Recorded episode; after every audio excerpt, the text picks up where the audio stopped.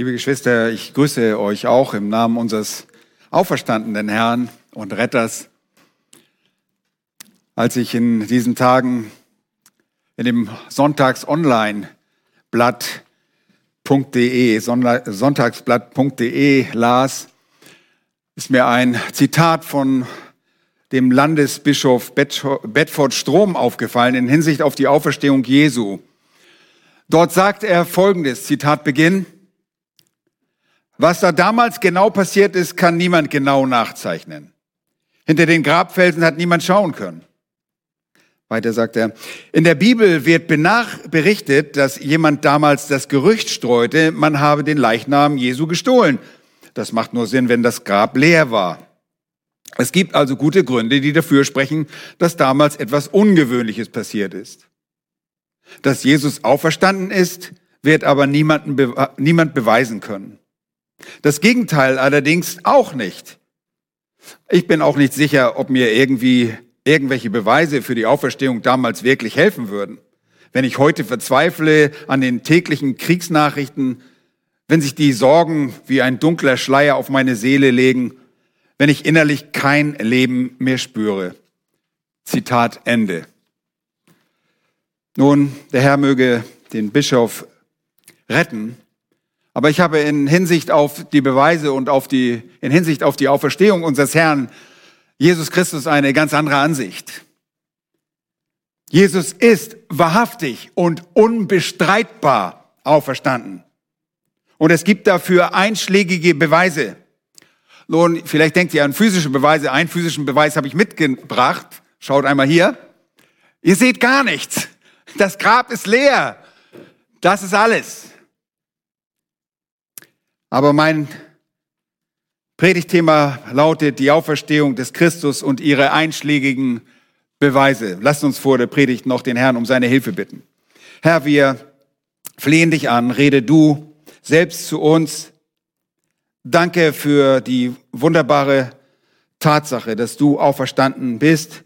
Danke für den wunderbaren Glauben, den du uns auch geschenkt hast, dass wir das verstehen dürfen, was dort und damals geschehen ist. Wir danken dir für das Wort, das du uns gegeben hast, dass du uns zeigst, dass deine Auferstehung kein Hirngespinst ist, keine Erfindung von irgendwelchen verrückten Jüngern, sondern dass du das von Ewigkeit her auch geplant hast, um uns zu erlösen. Wir danken dir von ganzem Herzen. In Jesu Namen. Amen. Ja, mögen die Beweise euch neu ermutigen und stärken, denn genau das tun sie in dem Herzen von gläubigen Menschen. Genau das können sie sogar in dir bewirken, auch wenn du jetzt noch nicht glaubst. Mögen diese Beweise dich zu dem lebendigen Gott führen, vor allem auch, wenn dein Glauben nur ein äußerlicher, ein nicht rettender Glaube ist. Wenn du ein Namenschrist bist, dann ist heute die Stunde des Heils für dich gekommen. Die Auferstehung des Christus und ihre einschlägigen Beweise. Nun, den geschlechtlichen Teil der Auferstehung können wir in der Heiligen Schrift, besonders in den Evangelien, nachlesen. Wir selbst haben uns das inspirierte Ende des Markus-Evangeliums vor nicht allzu langer Zeit angesehen. Und es besteht überhaupt kein Zweifel über die historischen Aussagen der Auferstehung für uns, die wir Kinder Gottes sind. Jesus starb und er stand am ersten Tag der Woche am Passafestes der Juden im Jahre 30 nach Christus. Jesus Christus er stand so, wie er es sagte, und er lebt. Aber hier nun einschlägige Beweise aus dem bereits uns vorgelesenen Predigtext. Und ihr könnt eure Bibeln bitte dazu aufschlagen, auch im 1. Korintherbrief, Kapitel 15. Ihr habt maximalen Gewinn dadurch, wenn ihr mitlest. Das ist ein längerer Text und ihr wundert euch, wie kann Borchmann so einen langen Text predigen? Das geht doch gar nicht. Nun, wir werden das versuchen. Und äh, werden uns anschauen, was der Apostel Paulus schon damals den Korinthern zur Ermutigung schrieb. Erstens zeigt er uns in den ersten beiden Verse, den ersten Beweise, die ersten Beweise, und das sind die zahlreichen Erfahrungsbeweise. Die zahlreichen, ich weiß nicht, gibt es eine Folie dazu? Gibt es, wunderbar. Verse 1 und 2, die zahlreichen Erfahrungsbeweise. Er sagt, ich erinnere euch aber, ihr Brüder, an das Evangelium, das ich euch verkündigt habe, das ihr auch angenommen habt, indem ihr auch feststeht, durch das ihr auch gerettet werdet, wenn ihr an dem Wort festhaltet, das ich euch verkündet habe. Es sei denn, dass ihr vergeblich geglaubt hättet. Nun, das, was wir behaupten, das konnten bereits die Empfänger in Korinth erleben. Und Paulus führt bei den Empfängern in Korinth das Evangelium an. Er tut es ihnen kund, aber weil es für die Adressaten nichts Neues beinhaltete, übersetzt die Schlachter 2000 an dieser Stelle, ich erinnere euch aber, ihr Brüder, an das Evangelium. Das Evangelium ist die gute Nachricht die er ihnen verkündigt hatte und an die die Korinther auch glaubten, in der sie jetzt fest verankert waren oder fest standen. Die Empfänger hatten das Evangelium ganz offenkundig angenommen. Ja, außer denen, die abfallen sollten, deren Glauben nur oberflächlich war und deshalb auch nicht durch die Liebe zu Christus gekennzeichnet war. Nun, das gibt es ganz gewiss. Aber die, die wir dem Evangelium glauben, denen wir dem Evangelium vertrauen, wir stehen fest im Evangelium. Wir sind darin gewurzelt, wir sind darin verankert. Und Paulus erinnert die übrigen Christen an das Evangelium, das sie retten würde. Nun ist die, die Errettung ist immer ein oder ist ein Prozess, der sich in mehrere Teile aufteilt. Wir werden, wurden in der Vergangenheit gerettet, als Christus für uns starb. Und als wir glaubten, wurde uns seine Gerechtigkeit zugeschrieben. Aber wir werden auch gegenwärtig gerettet. Wir werden am Glauben gehalten. Wir leben nicht nur einmalig aus Gnade, sondern immer wieder aus Gnade. Denn wir brauchen die Gnade von Gnade zu Gnade. Und wir werden künftig auch errettet werden wenn wir endgültig erlöst werden. Nun sie, die Empfänger, vertrauten auf diesen stellvertretenden Tod des Herrn Jesus. Sie vertrauten, dass er zu Grab gelegt wurde und natürlich auch seine Auferstehung. Und sie wussten, dass all diese Dinge geschahen, damit das Heil für die Glaubend umfassend bewegt wurde. Und dieser Glaube ist der Beweis für die Auferstehung. Inwiefern? Nun, die Korinther waren Heiden es gab auch Juden unter ihnen. Sie waren gottlos und Götzenanbeter. Und solche, die Gott nicht kannten und die ihnen nicht dienten. Oder sie meinten, sie dienten einem Gott, aber nicht dem lebendigen Gott. Und es waren nicht wenige, die dort in Korinth glaubten. Es kam zu einer großen Errettung, zu einer Erweckung in Korinth durch das Evangelium. Das wurde dem Apostel Paulus bei dessen Aufenthalt in Korinth sogar vorher angekündigt. Das wurde uns hier nicht gesagt, als wir nach Berlin kamen und äh, gesagt haben, wir gehen nach Hohenschönhausen. Da kam nicht der Geist Gottes, hat gesagt, äh, Dieter, hier gibt's eine Riesenerweckung, bleib hier. Paulus hörte das in der Apostelgeschichte Kapitel 18, die Verse 8 bis 10. Da heißt es, Christus aber, der Synagogenvorsteher, wurde an den Herrn gläubig, samt seinem ganzen Haus. Auch viele Korinther, die zuhörten, wurden gläubig und ließen sich taufen. Und der Herr sprach durch ein Gesicht in der Nacht zu Paulus, fürchte dich nicht, sondern rede und schweige nicht. Vers 10, denn ich bin mit dir und niemand soll sich unterstehen, dir zu schaden, denn ich habe ein großes Volk in dieser Stadt. Hm, das ist der Traum eines jeden Evangelisten. Nun, Paulus durfte das erfahren. Die Empfänger waren es, die durch die Botschaft des Evangeliums gerettet wurden. Das Evangelium hat mit dem Tod und mit der Grablegung und mit der Auferstehung, mit der Rückkehr, eigentlich alles, was die Person unseres Herrn Jesus Christus betrifft, nämlich auch, dass er Mensch wurde. Wir haben es vorhin gesungen, er wurde geboren. Wir wollen das nicht ausklammern, denn er muss der wahre Gottmensch sein, um zu erlösen. Es würde nicht genug sein, nur zu sagen, er ist gestorben. Wie ist er denn gestorben? Ja, irgendwie so fiktiv oder ähm, Nein, er ist leibhaftig gestorben, er ist leibhaftig auferstanden und er ist leibhaftig wieder zurück in den Himmel gekehrt. Errettung bedeutete damals, so wie heute noch immer auch, eine Veränderung des Lebens. Denn der geistlich tote Mensch und sein altes Ich ist in der Kraft der Auferstehung zu einem neuen Leben erweckt worden durch unseren Gott. Paulus macht es so deutlich, dass die Kraft, die in dem Sohn Gottes, nämlich die Gott in seinem Sohn ähm, wirksam werden ließ, die ließ er auch in uns wirksam werden durch den Glauben. Als wir glaubten, wurden wir zu einem neuen Leben erweckt.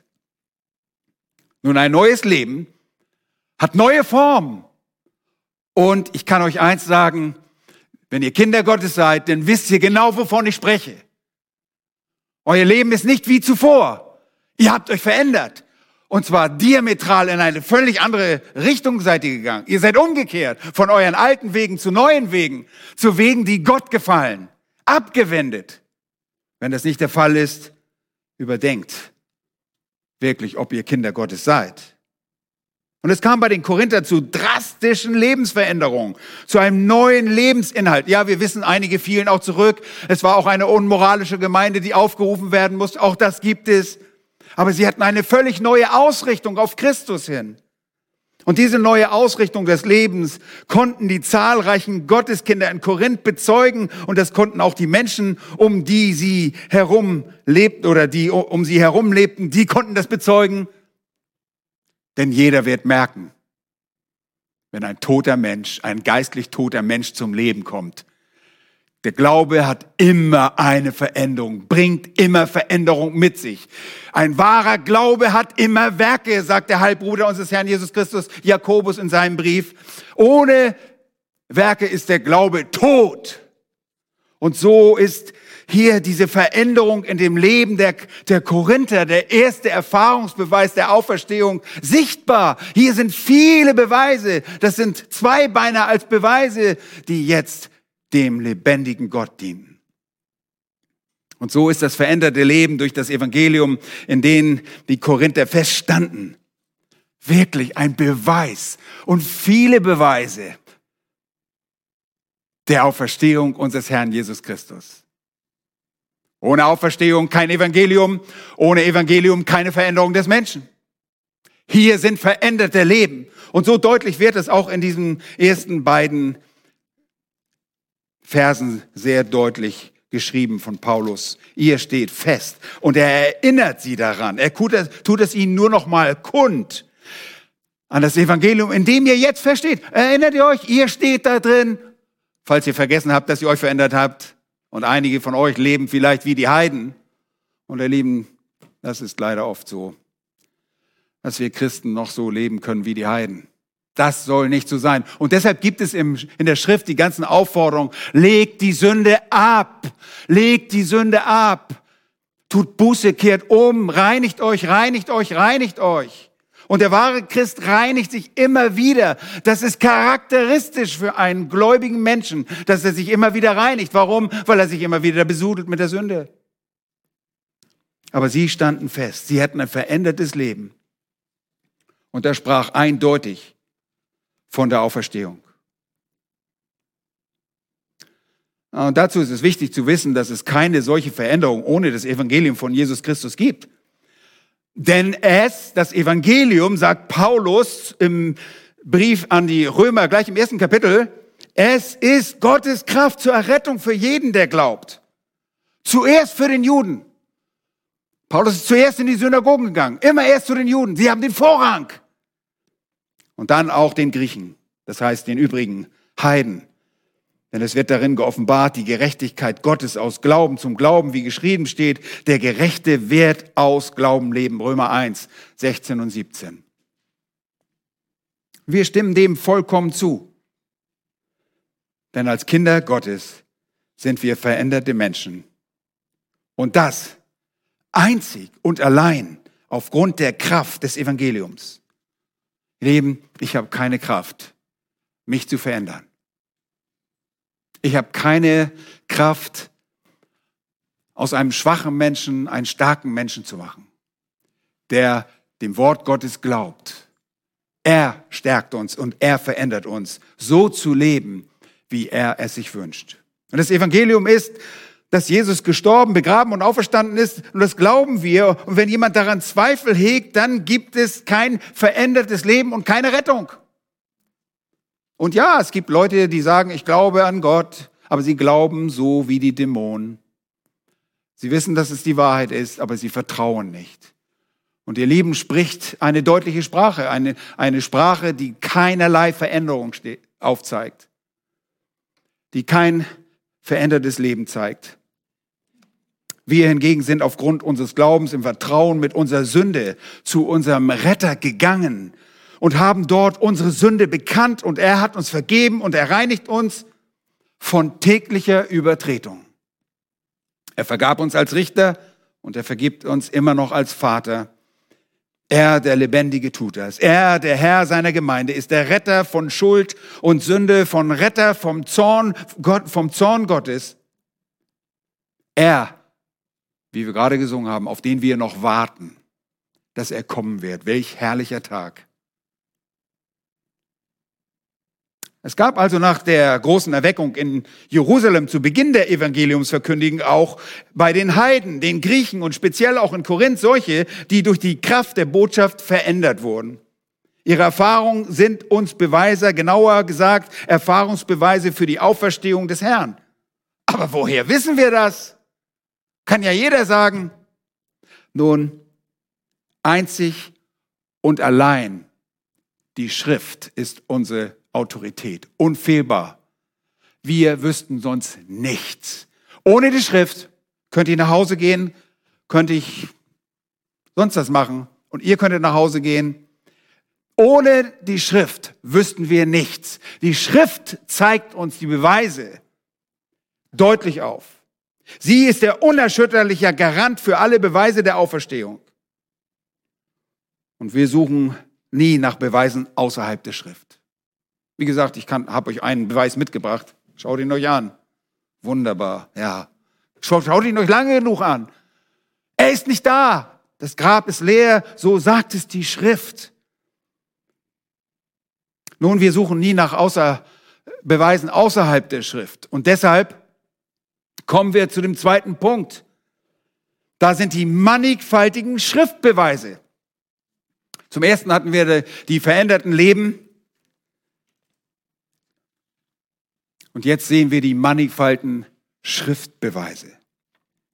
Denn ich habe euch zuallererst das überliefert, was ich auch empfangen habe, nämlich dass Christus für unsere Sünden gestorben ist nach den Schriften und dass er begraben worden ist und dass er auferstanden ist am dritten Tag nach den Schriften. Was Paulus durch das Zeugnis anderer und durch den Herrn Jesus selbst erfuhr, das gab er auch an die Korinther weiter. Und er selbst war kein Augenzeuge des Todes Jesu. Er sah auch nicht dessen Grablegung. Er war auch nicht während seiner Lebenszeit an seiner Seite aber er traf den Auferstandenen in der Apostelgeschichte 9 auf dem Weg, als er im Begriff war, Christen zu verfolgen. Und so wurde er ein veränderter Mensch, weil er eine Begegnung mit dem Schöpfer der Welt hatte, mit Jesus Christus. Und er wurde ein, eine Neuschöpfung.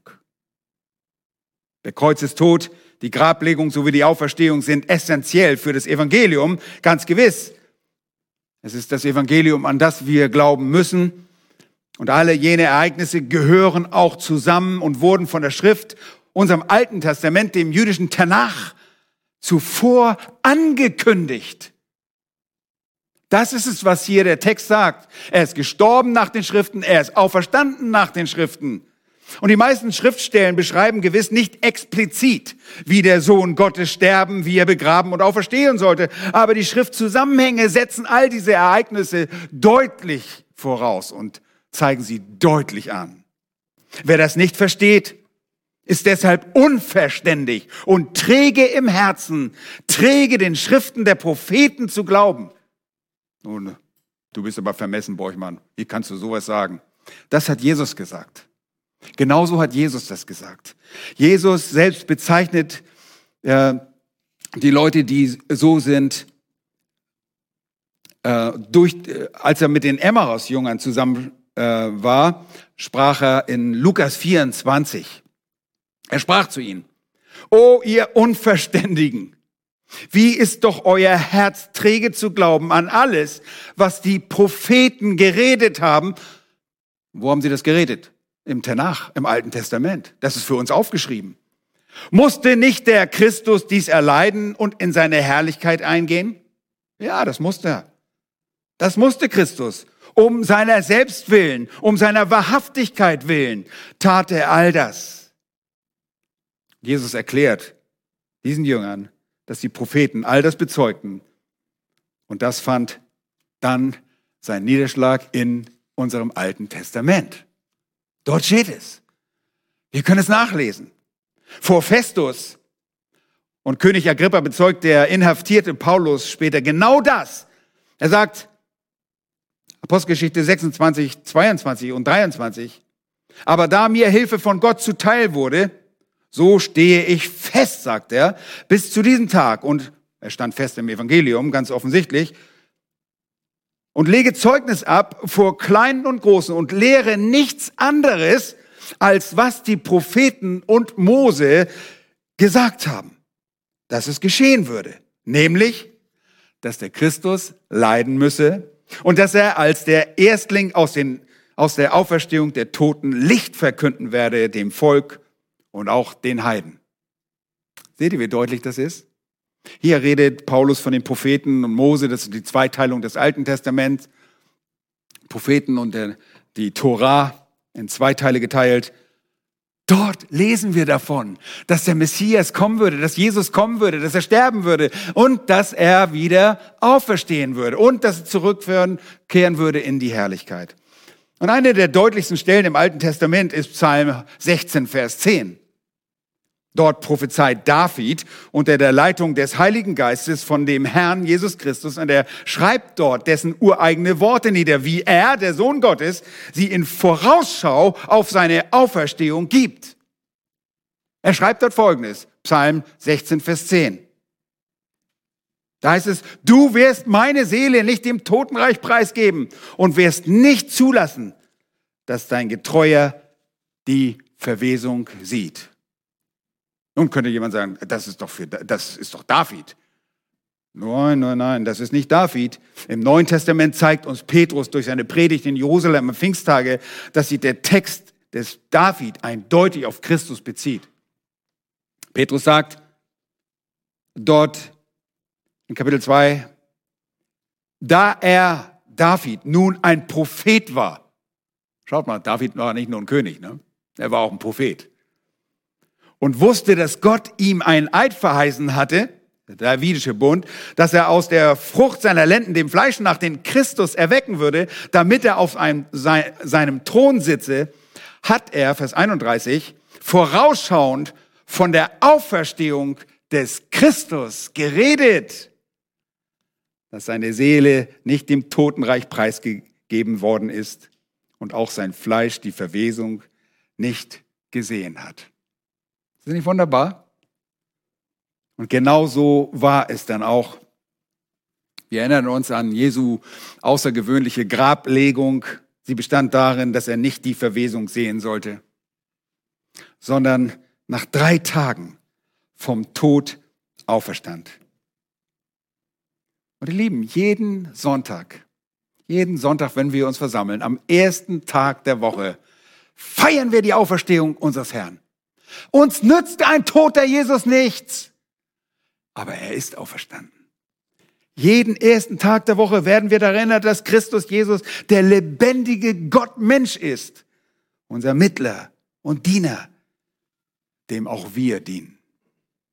Und als solche, die wir das Neue Testament besitzen, haben wir in diesen neutestamentlichen Schriften die schriftliche Erfüllung, das schriftliche Zeugnis der Erfüllung all der schriftlichen Voraussagen des Alten Testaments, wie sie in Bezug auf das Evangelium des Christus niedergeschrieben wurden.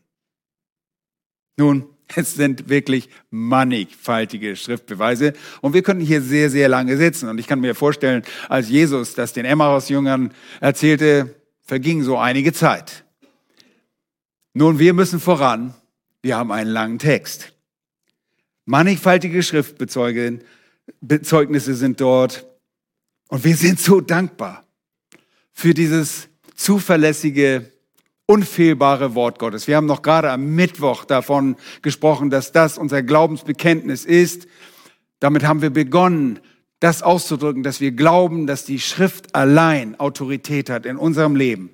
Alles andere, alle meine Predigten, da gibt's immer Dinge, die sind nicht ganz richtig oder ich bin nicht unfehlbar. Das Wort Gottes allein ist unfehlbar. Und daran orientieren wir uns.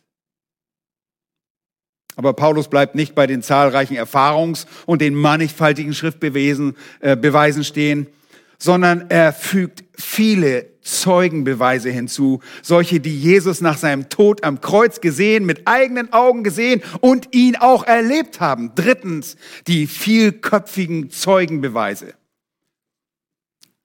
Da heißt es in Versen 5 bis 12. Und dass er dem Käfers erschienen ist, danach den Zwölfen, Danach ist er mehr als 500 Brüdern auf einmal erschienen, von denen die meisten noch leben, etliche aber auch entschlafen sind. Danach erschien er dem Jakobus, hierauf sämtlichen Aposteln. Zuletzt aber von allen erschien er auch mir, der ich gleichsam eine unzeitige Geburt bin. Denn ich bin der geringste von den Aposteln, der ich nicht wert bin, ein Apostel zu heißen, weil ich die Gemeinde Gottes verfolgt habe aber durch Gottes Gnade bin ich, was ich bin. Und seine Gnade, die er an mir erwiesen hat, ist nicht vergeblich gewesen, sondern ich habe mehr gearbeitet als sie alle. Jedoch nicht ich, sondern die Gnade Gottes, die mit mir ist. Ob es nun aber ich sei oder jene, so verkündigen wir und so habt ihr geglaubt. Wenn aber Christus verkündigt wird, dass er aus den Toten auferstanden ist, wieso sagen dann etliche unter euch, es gebe keine Auferstehung der Toten. Nun, was für ein wunderbarer Bericht. In manchen Gerichtssälen werden Zeugen gesucht. Man ist froh, wenn man ein, zwei Zeugen findet. Hier ist eine Fülle von Zeugen, die genau das bestätigen können, was geschehen ist. Was für ein wunderbarer Bericht, der uns zusätzliche Gewissheit der Auferstehung Jesu gibt. Paulus führt den wohl prominentesten Jünger Kephas zuerst an. Kephas, Vers 5, aramäisch, bedeutet Stein. Ein Name für Simon, den Sohn des Jonas. Das ist Petrus. Und er wird hier gesondert aufgeführt. Und er hat auch eine besondere Stellung in der Gründung der Gemeinde. Wir sehen ihn gleich in Apostelgeschichte 2 er hat eine besondere Funktion, er predigt die erste gewaltige Botschaft und es kommen wirklich viele zum Glauben. Nun, er wird geoffenbart, er wird äh, gesondert aufgeführt, denn offenbar zeigte sich der Herr ihm sehr früh nach seiner Auferstehung. Da heißt es in Lukas 24, Vers 34, da wird von Petrus durch die Emmaus-Jünger zu den Elfen gesagt, der Herr ist wahrhaftig auferstanden und er ist dem Simon erschien. Petrus, er bezeugte die Auferstehung. Er bezeugte sie in seinen Predigten. Er bezeugte sie gleich in Apostelgeschichte 2 und er bezeugt sie auch in seinem eigenen Schreiben. Ich denke nur an 1. Petrus Kapitel 1, Vers 3. Da lobt er Gott und den Vater unseres Herrn Jesus Christus, der uns auf, nach seiner großen Barmherzigkeit wiedergeboren hat zu einer lebendigen Hoffnung durch die Auferstehung Jesu Christi aus den Toten. Was für ein wunderbares Zeugnis. Wir könnten sehr viel über Petrus sagen, aber er führt hier eine Reihe an. Und er führt hier die Zwölfe, die Zwölf an. Schaut mal in Vers 5. Da heißt es, danach den Zwölfen. Nun, interessant ist, dass er sich äh, elf der zwölf der Zwölfen bezeugt. Und einer war sogar nicht dabei. Der, äh, ich glaube, ähm, ja, Thomas war nicht dabei, als er das einmal da war. Vielleicht auch andere auch nicht. Ich habe nicht genau recherchiert. Aber die Zwölfen ist ein Begriff der Intimität. Sie waren nur noch elf. Judas war bereits schon weg. Und jetzt bezeugt sich auf einmal der Herr den Zwölfen. Das ist ein feststehender Begriff. Wir können es zum Beispiel in Johannes 20 und Vers 24 nachlesen. Und das ist bereits, nachdem Judas weg ist, werden sie immer noch die Zwölfe genannt. Da heißt es, Thomas aber einer von den Zwölfen. Und die waren nur noch elf, aber sie sagen trotzdem, sie waren einer von den Zwölfen. Manchmal werden sie auch die elf noch genannt oder die elf Jünger als Zahlwort. Aber hier offenbart er sich den Zwölfen. Und ihr kennt die Geschichte, Jesus zeigt sich seinen Jüngern. Ganz deutlich. Und das waren nicht die Jünger, die äh, angeblich den Leib des Jesus geklaut haben, gestohlen haben. Ihr, ihr wisst, wie kleingläubig die Jünger waren. Sie hatten selbst Zweifel. Erst kamen die Frauen und sagten, ja, der Herr ist auferstanden. Und sie sagten, oh, was, was redet ihr da für einen Unsinn? Ja, sie glaubten nicht mal, was die Frauen ihnen sagten. Sie glaubten nicht mal an die Auferstehung. Und selbst als Jesus ihnen sich zeigte, zweifelten sie noch. Es dauerte schon ein bisschen Arbeit. Es hat schon ein bisschen Zeit gebraucht, bis sie glaubten. Und welch wunderbare Verkündiger wurden sie. Und sie brauchten dieses wunderbare Offenbarung, diese wunderbare Offenbarung seiner Auferstehung sehr wohl. Denn elf dieser zwölf wurden, so wie wir es wissen, Märtyrer. Sie starben für den Glauben. Sie hielten daran fest. Sie waren gewurzelt und standen fest im Evangelium. Und dann heißt es in Vers 6, danach ist er mehr als 500 Brüdern auf einmal erschienen, von denen die meisten noch leben. Und Paulus schreibt hier vermutlich im Jahre 55 aus Ephesus, also gute 25 Jahre später, und einige lebten noch. Einige waren auch entschlafen. Das ist ein Euphemismus für gestorben. Einfach eine beschönigende Art und Weise, da sind schon welche gestorben. Aber einige sind noch da. Fragt sie. Ihr könnt sie fragen. Sie sind hier mitten unter uns. Wir haben es gesehen. Seht ihr, das alles spricht so deutlich davon. Wie viele Zeugen brauchen wir heute, um vor Gericht Aussage zu haben, um etwas festzustellen? Nun, hier haben wir über 500 Brüdern, denen er auf einmal erschienen ist. Vermutlich war das in Galiläa. Jesus war noch 40 Tage vor seiner Himmelfahrt unterwegs und er sprach noch über das Evangelium des Reiches Gottes. Aber sie sahen ihn.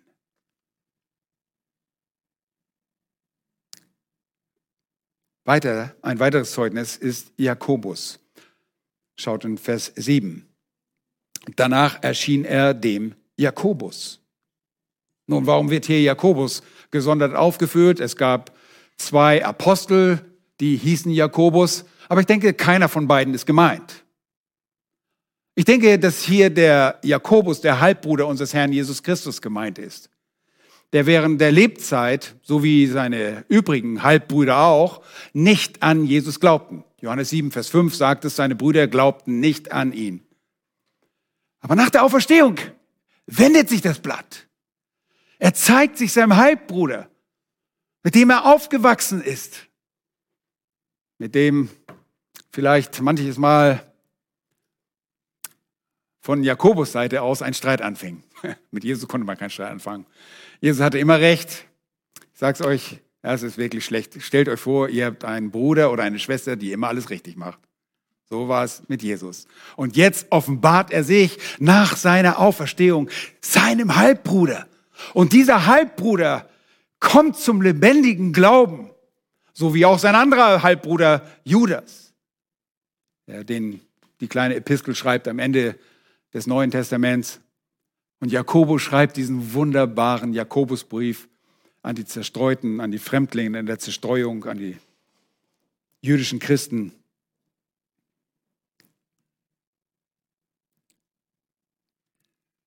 Hier ist ein deutlicher Beweis, Und Jakobus wird eine zentrale Figur in der Gemeinde in Jerusalem.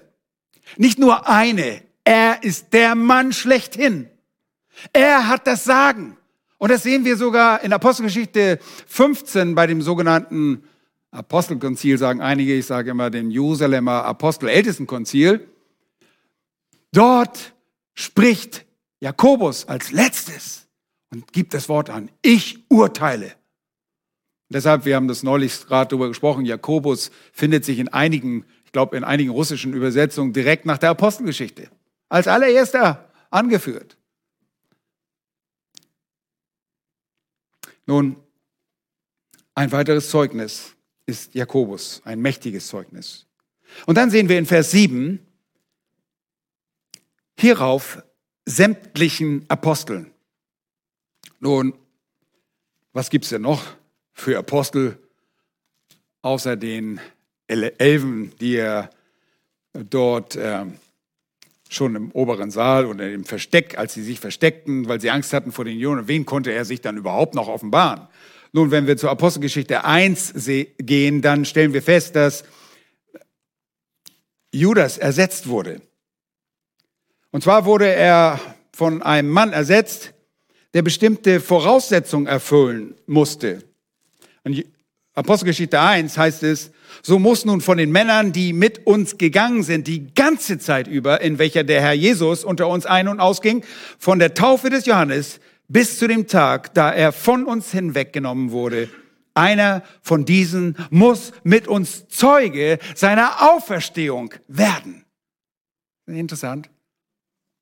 Das ist der zwölfte. Jetzt sind sie wieder vollständig. Jetzt sind sie zwölf und dann kommt noch Jakob, äh, Paulus selbst dazu, wie er sagt in Vers 8. Zuletzt aber von allen erschien er auch mir.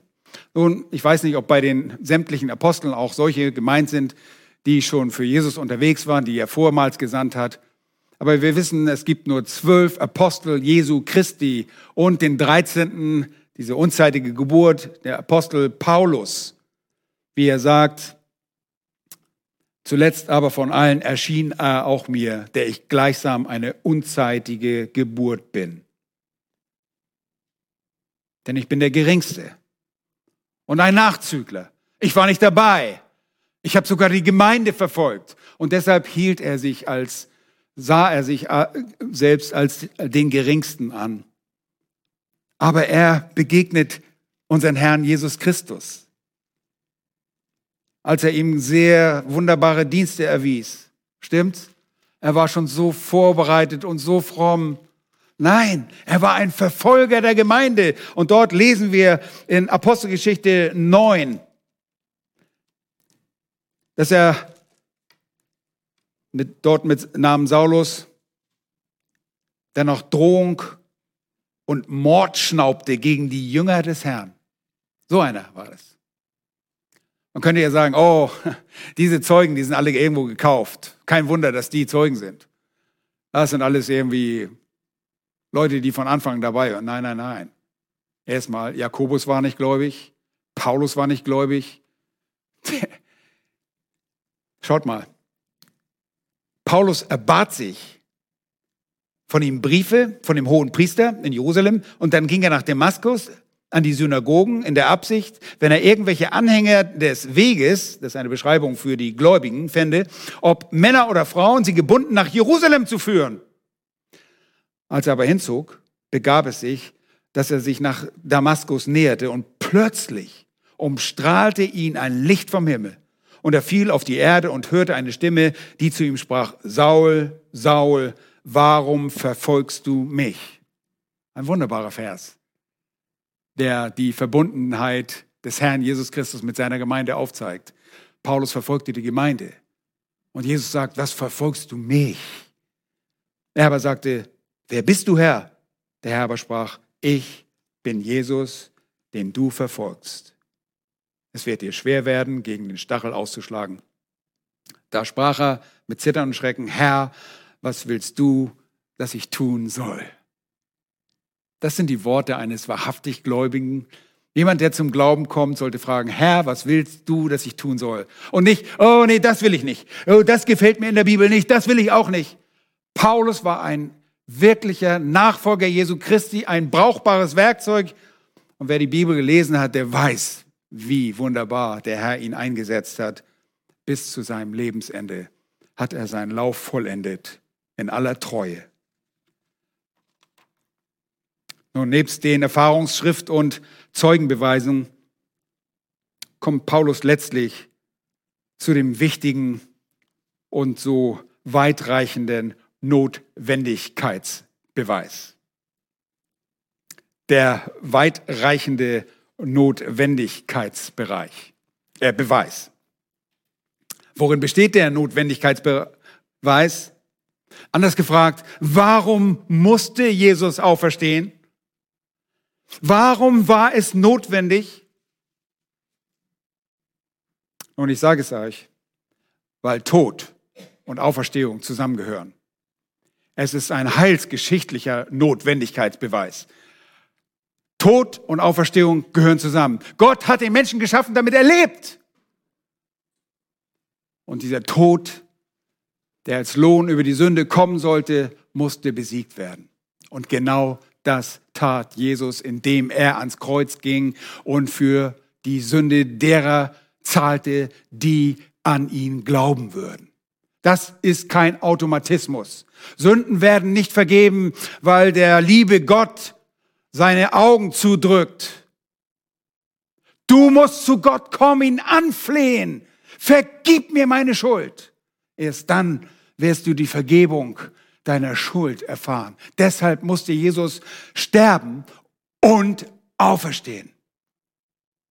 Das Werk wurde vollendet, obwohl Jesus in Johannes 19, Vers 30 sagt, äh, in der Todesstunde, es ist vollbracht, weil er wusste, dass er auferstehen. Es wird erst vollendet durch seine Auferstehung und seine Rückkehr in die Herrlichkeit zum Vater.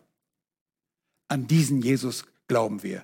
Wir glauben nicht an einen toten Jesus. Oh, das Wissenschaftler.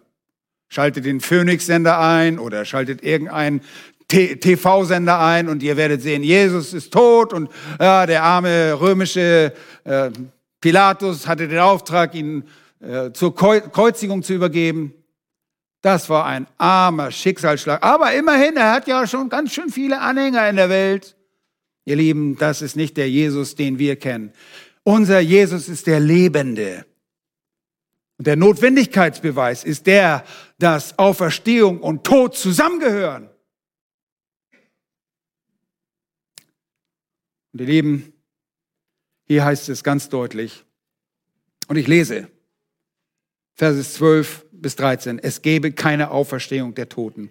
Vers 12 und 13, wenn aber Christus verkündigt wird, dass er aus den Toten auferstanden ist, wieso sagen denn etliche unter euch, es gebe keine Auferstehung? Das macht keinen Sinn, Leute.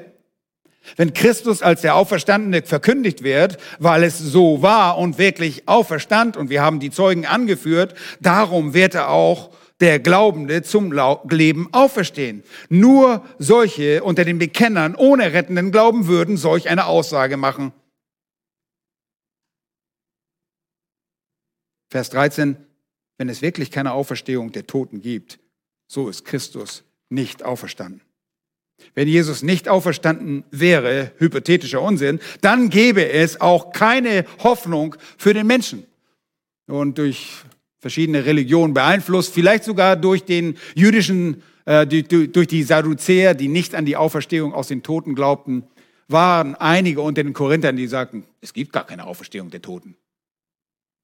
Oh, wie seid ihr denn zum Glauben gekommen? Ihr seid doch im Evangelium nun, es gab sicherlich auch einige, die das nicht glaubten und deshalb nur einen Scheinglauben hatten. Wir, die wir glauben, glauben, weil Christus gestorben ist, werden auch wir auferstehen. Es gibt Auferstehung der Toten. Die angeführte Annahme wäre nur dann richtig, wenn dieser hypothetische Unsinn richtig ist. Denn wenn Tote nicht auferweckt werden, so ist auch Christus nicht auferweckt worden. Beides ist jedoch nicht zutreffend. Vers 14 heißt es, die Verkündigung des Evangeliums wäre vergeblich. Das ist der zweite Punkt. Wenn aber Christus nicht auferstanden ist, so ist unsere Verkündigung vergeblich. Das hat Paulus von sich gesagt, als er mit seinem Missionsteam unterwegs war und immer noch unterwegs war. Ist alles vergeblich. Alles bekannt machen und lehren. Nicht nur in Hinsicht auf die Auferstehung, alles in Hinsicht auf Gott wäre für die Katz. Auch das, was von dieser Kanzel und allen Kanzeln aller Zeitalter proklamiert und verkündigt wäre, wäre absolut vergeblich. Völliger Unsinn. Drittens, der Glaube an das Evangelium wäre vergeblich, nichtig und Glaubenden wären noch Sünder und verloren. Da heißt es, vergeblich auch euer Glaube. Ist aber Christus nicht auferweckt worden, so ist euer Glaube nichtig, heißt es dort in Vers 17. So seid ihr noch in euren Sünden. Dann sind auch die in Christus Entschlafenen verloren. Den Glauben könnte man sich sparen und wir wären noch überaus sündig. Schreck, lass nach. Wie schrecklich.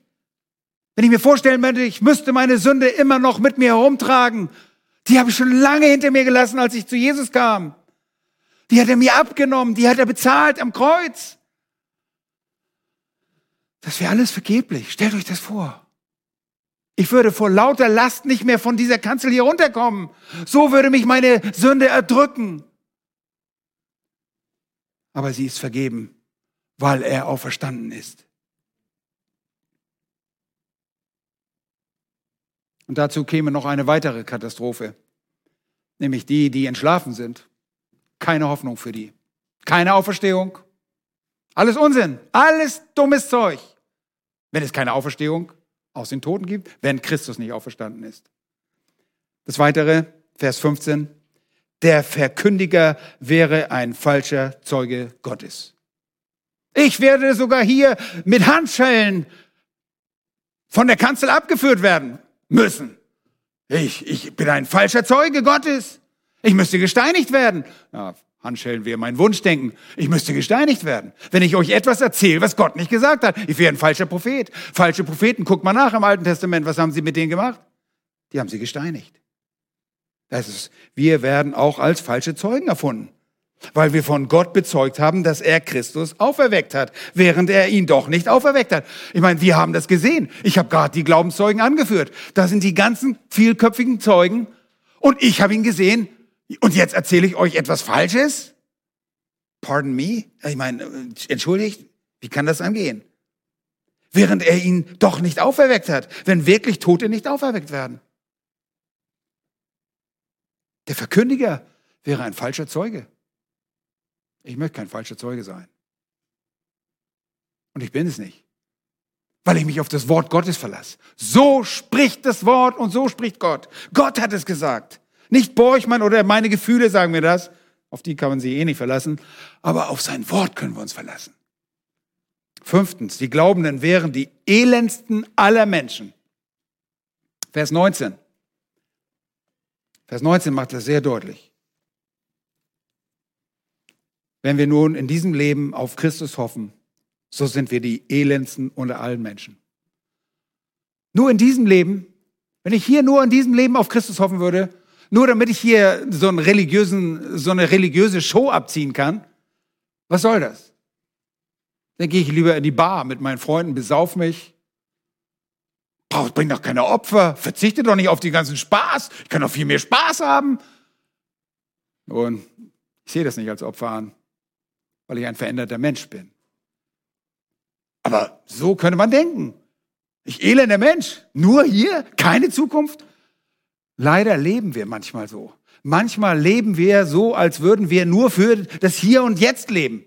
Und ich kriege nichts und ich bin enttäuscht, weil ich das nicht kriege, was ich haben will. Und ich bin, oh, ist alles vorbei, mein ganzes Leben ist ruiniert. Das stimmt nicht. Wir haben eine ewige Hoffnung. Das Schönste kommt noch, wenn wir unseren lebendigen Gott sehen dürfen, von Angesicht zu Angesicht. Warum? Weil er auferstanden ist. Wenn das nicht so wäre, dann wären wir echte Trottel. Dann würde ich mich gleich beerdigen lassen.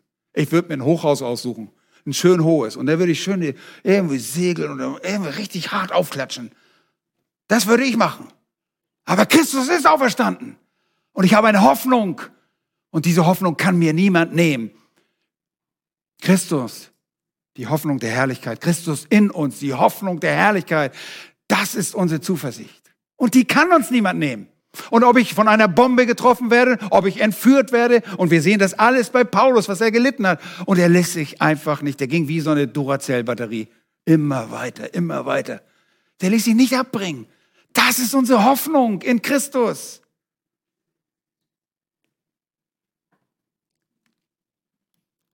Nun, wenn es wirklich nur eine irdische Hoffnung geben würde, dann wären wir sehr bemitleidenswert. Aber ich lade dich ein, der Heiligen Schrift zu glauben. Wenn du Jesus Christus bekennst und wenn du deine eigene Sünde bekennst, und das heißt tatsächlich, man muss sich vor Christus demütigen. Man muss sich vor Gott demütigen. Da gibt es nicht irgendwie eine Abkürzung oder einen Freifahrtschein oder irgendwie ein Lotto, Lotterie oder sonst irgendwas, sondern wir müssen im Glauben zu Gott kommen sagen, ich bin ein Sünder. Ich habe erkannt auf Seiten der Schrift, dass du heilig bist und ich bin weit weg davon. Ich bin über, ein Übertreter deines Gesetzes. Und wir sind alle gleich. Und der Lohn der Sünde ist der Tod. Und zwar nicht die Annihilation, nicht die Auslöschung, sondern der ewige Tod, der zweite Tod, das ewige Getrenntsein in der ewigen Hölle. Das glauben wir, weil die Schrift es sagt. Und so kommst du im Glauben zu Jesus Christus und sagst, Herr Jesus, vergib mir meine Schuld. Ich will, dass du mich rettest. Und weil du mich retten musst, komme ich allein zu dir. Es gibt keinen anderen Namen unter dem Himmel, zu dem wir kommen können. Es ist nur Jesus Christus. Und dann bist du bereit, diesem Jesus auch zu folgen. Und das ist der Preis. Das ist der Preis, den wir zahlen. Aber jeder, der ein bisschen Mathematik kann, der weiß, das ist ein lohnender Preis. Selbst wenn ich mein Leben hier verliere, wenn alles futsch ist, wenn ich nicht das bekomme, was ich in meinem Leben immer wollte. Die Ewigkeit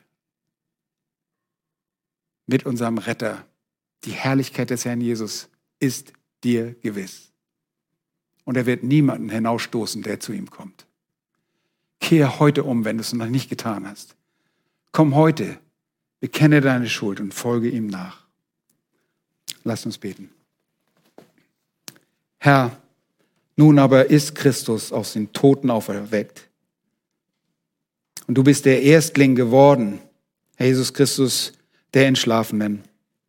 Und es werden viele folgen. Und ich bete, dass du auch heute rettest, da wo dein Evangelium gehört wird, dass wir dir allein vertrauen. Danke für die Vielzahl von Beweisen, die eine eindeutige Sprache sprechen. Herr, und wir wollen dich nicht zum Lügner machen, denn du hast dich in deinem Wort bezeugt. Herr, wir wollen nicht, dass irgendjemand vor dir stehen muss, der das hört. Du hast mich zum Lügner gemacht. Ich habe mich dir bezeugt, aber du hast mir nicht geglaubt. O Herr, bitte schenke du Glauben, rettenden Glauben an dein Erlösungswerk heute. Schenke du Umkehr. Danke für deinen wunderbaren Erlösungsplan, den wir verstehen dürfen als deine Kinder. Hilf uns auch so zu leben, dass es sichtbar wird, dass wir veränderte Menschen sind, dass wir ein Beweis deiner Auferstehung sind und nicht irgendwie nur traditionelle Mitläufer oder irgendwie lauwarm sind. Herr, das kannst du gar nicht tolerieren. Du möchtest, dass wir für dich brennen und das wollen wir. Gib uns die richtige Schau für die Wahrheiten deines Wortes, um deines Namens willen. Amen.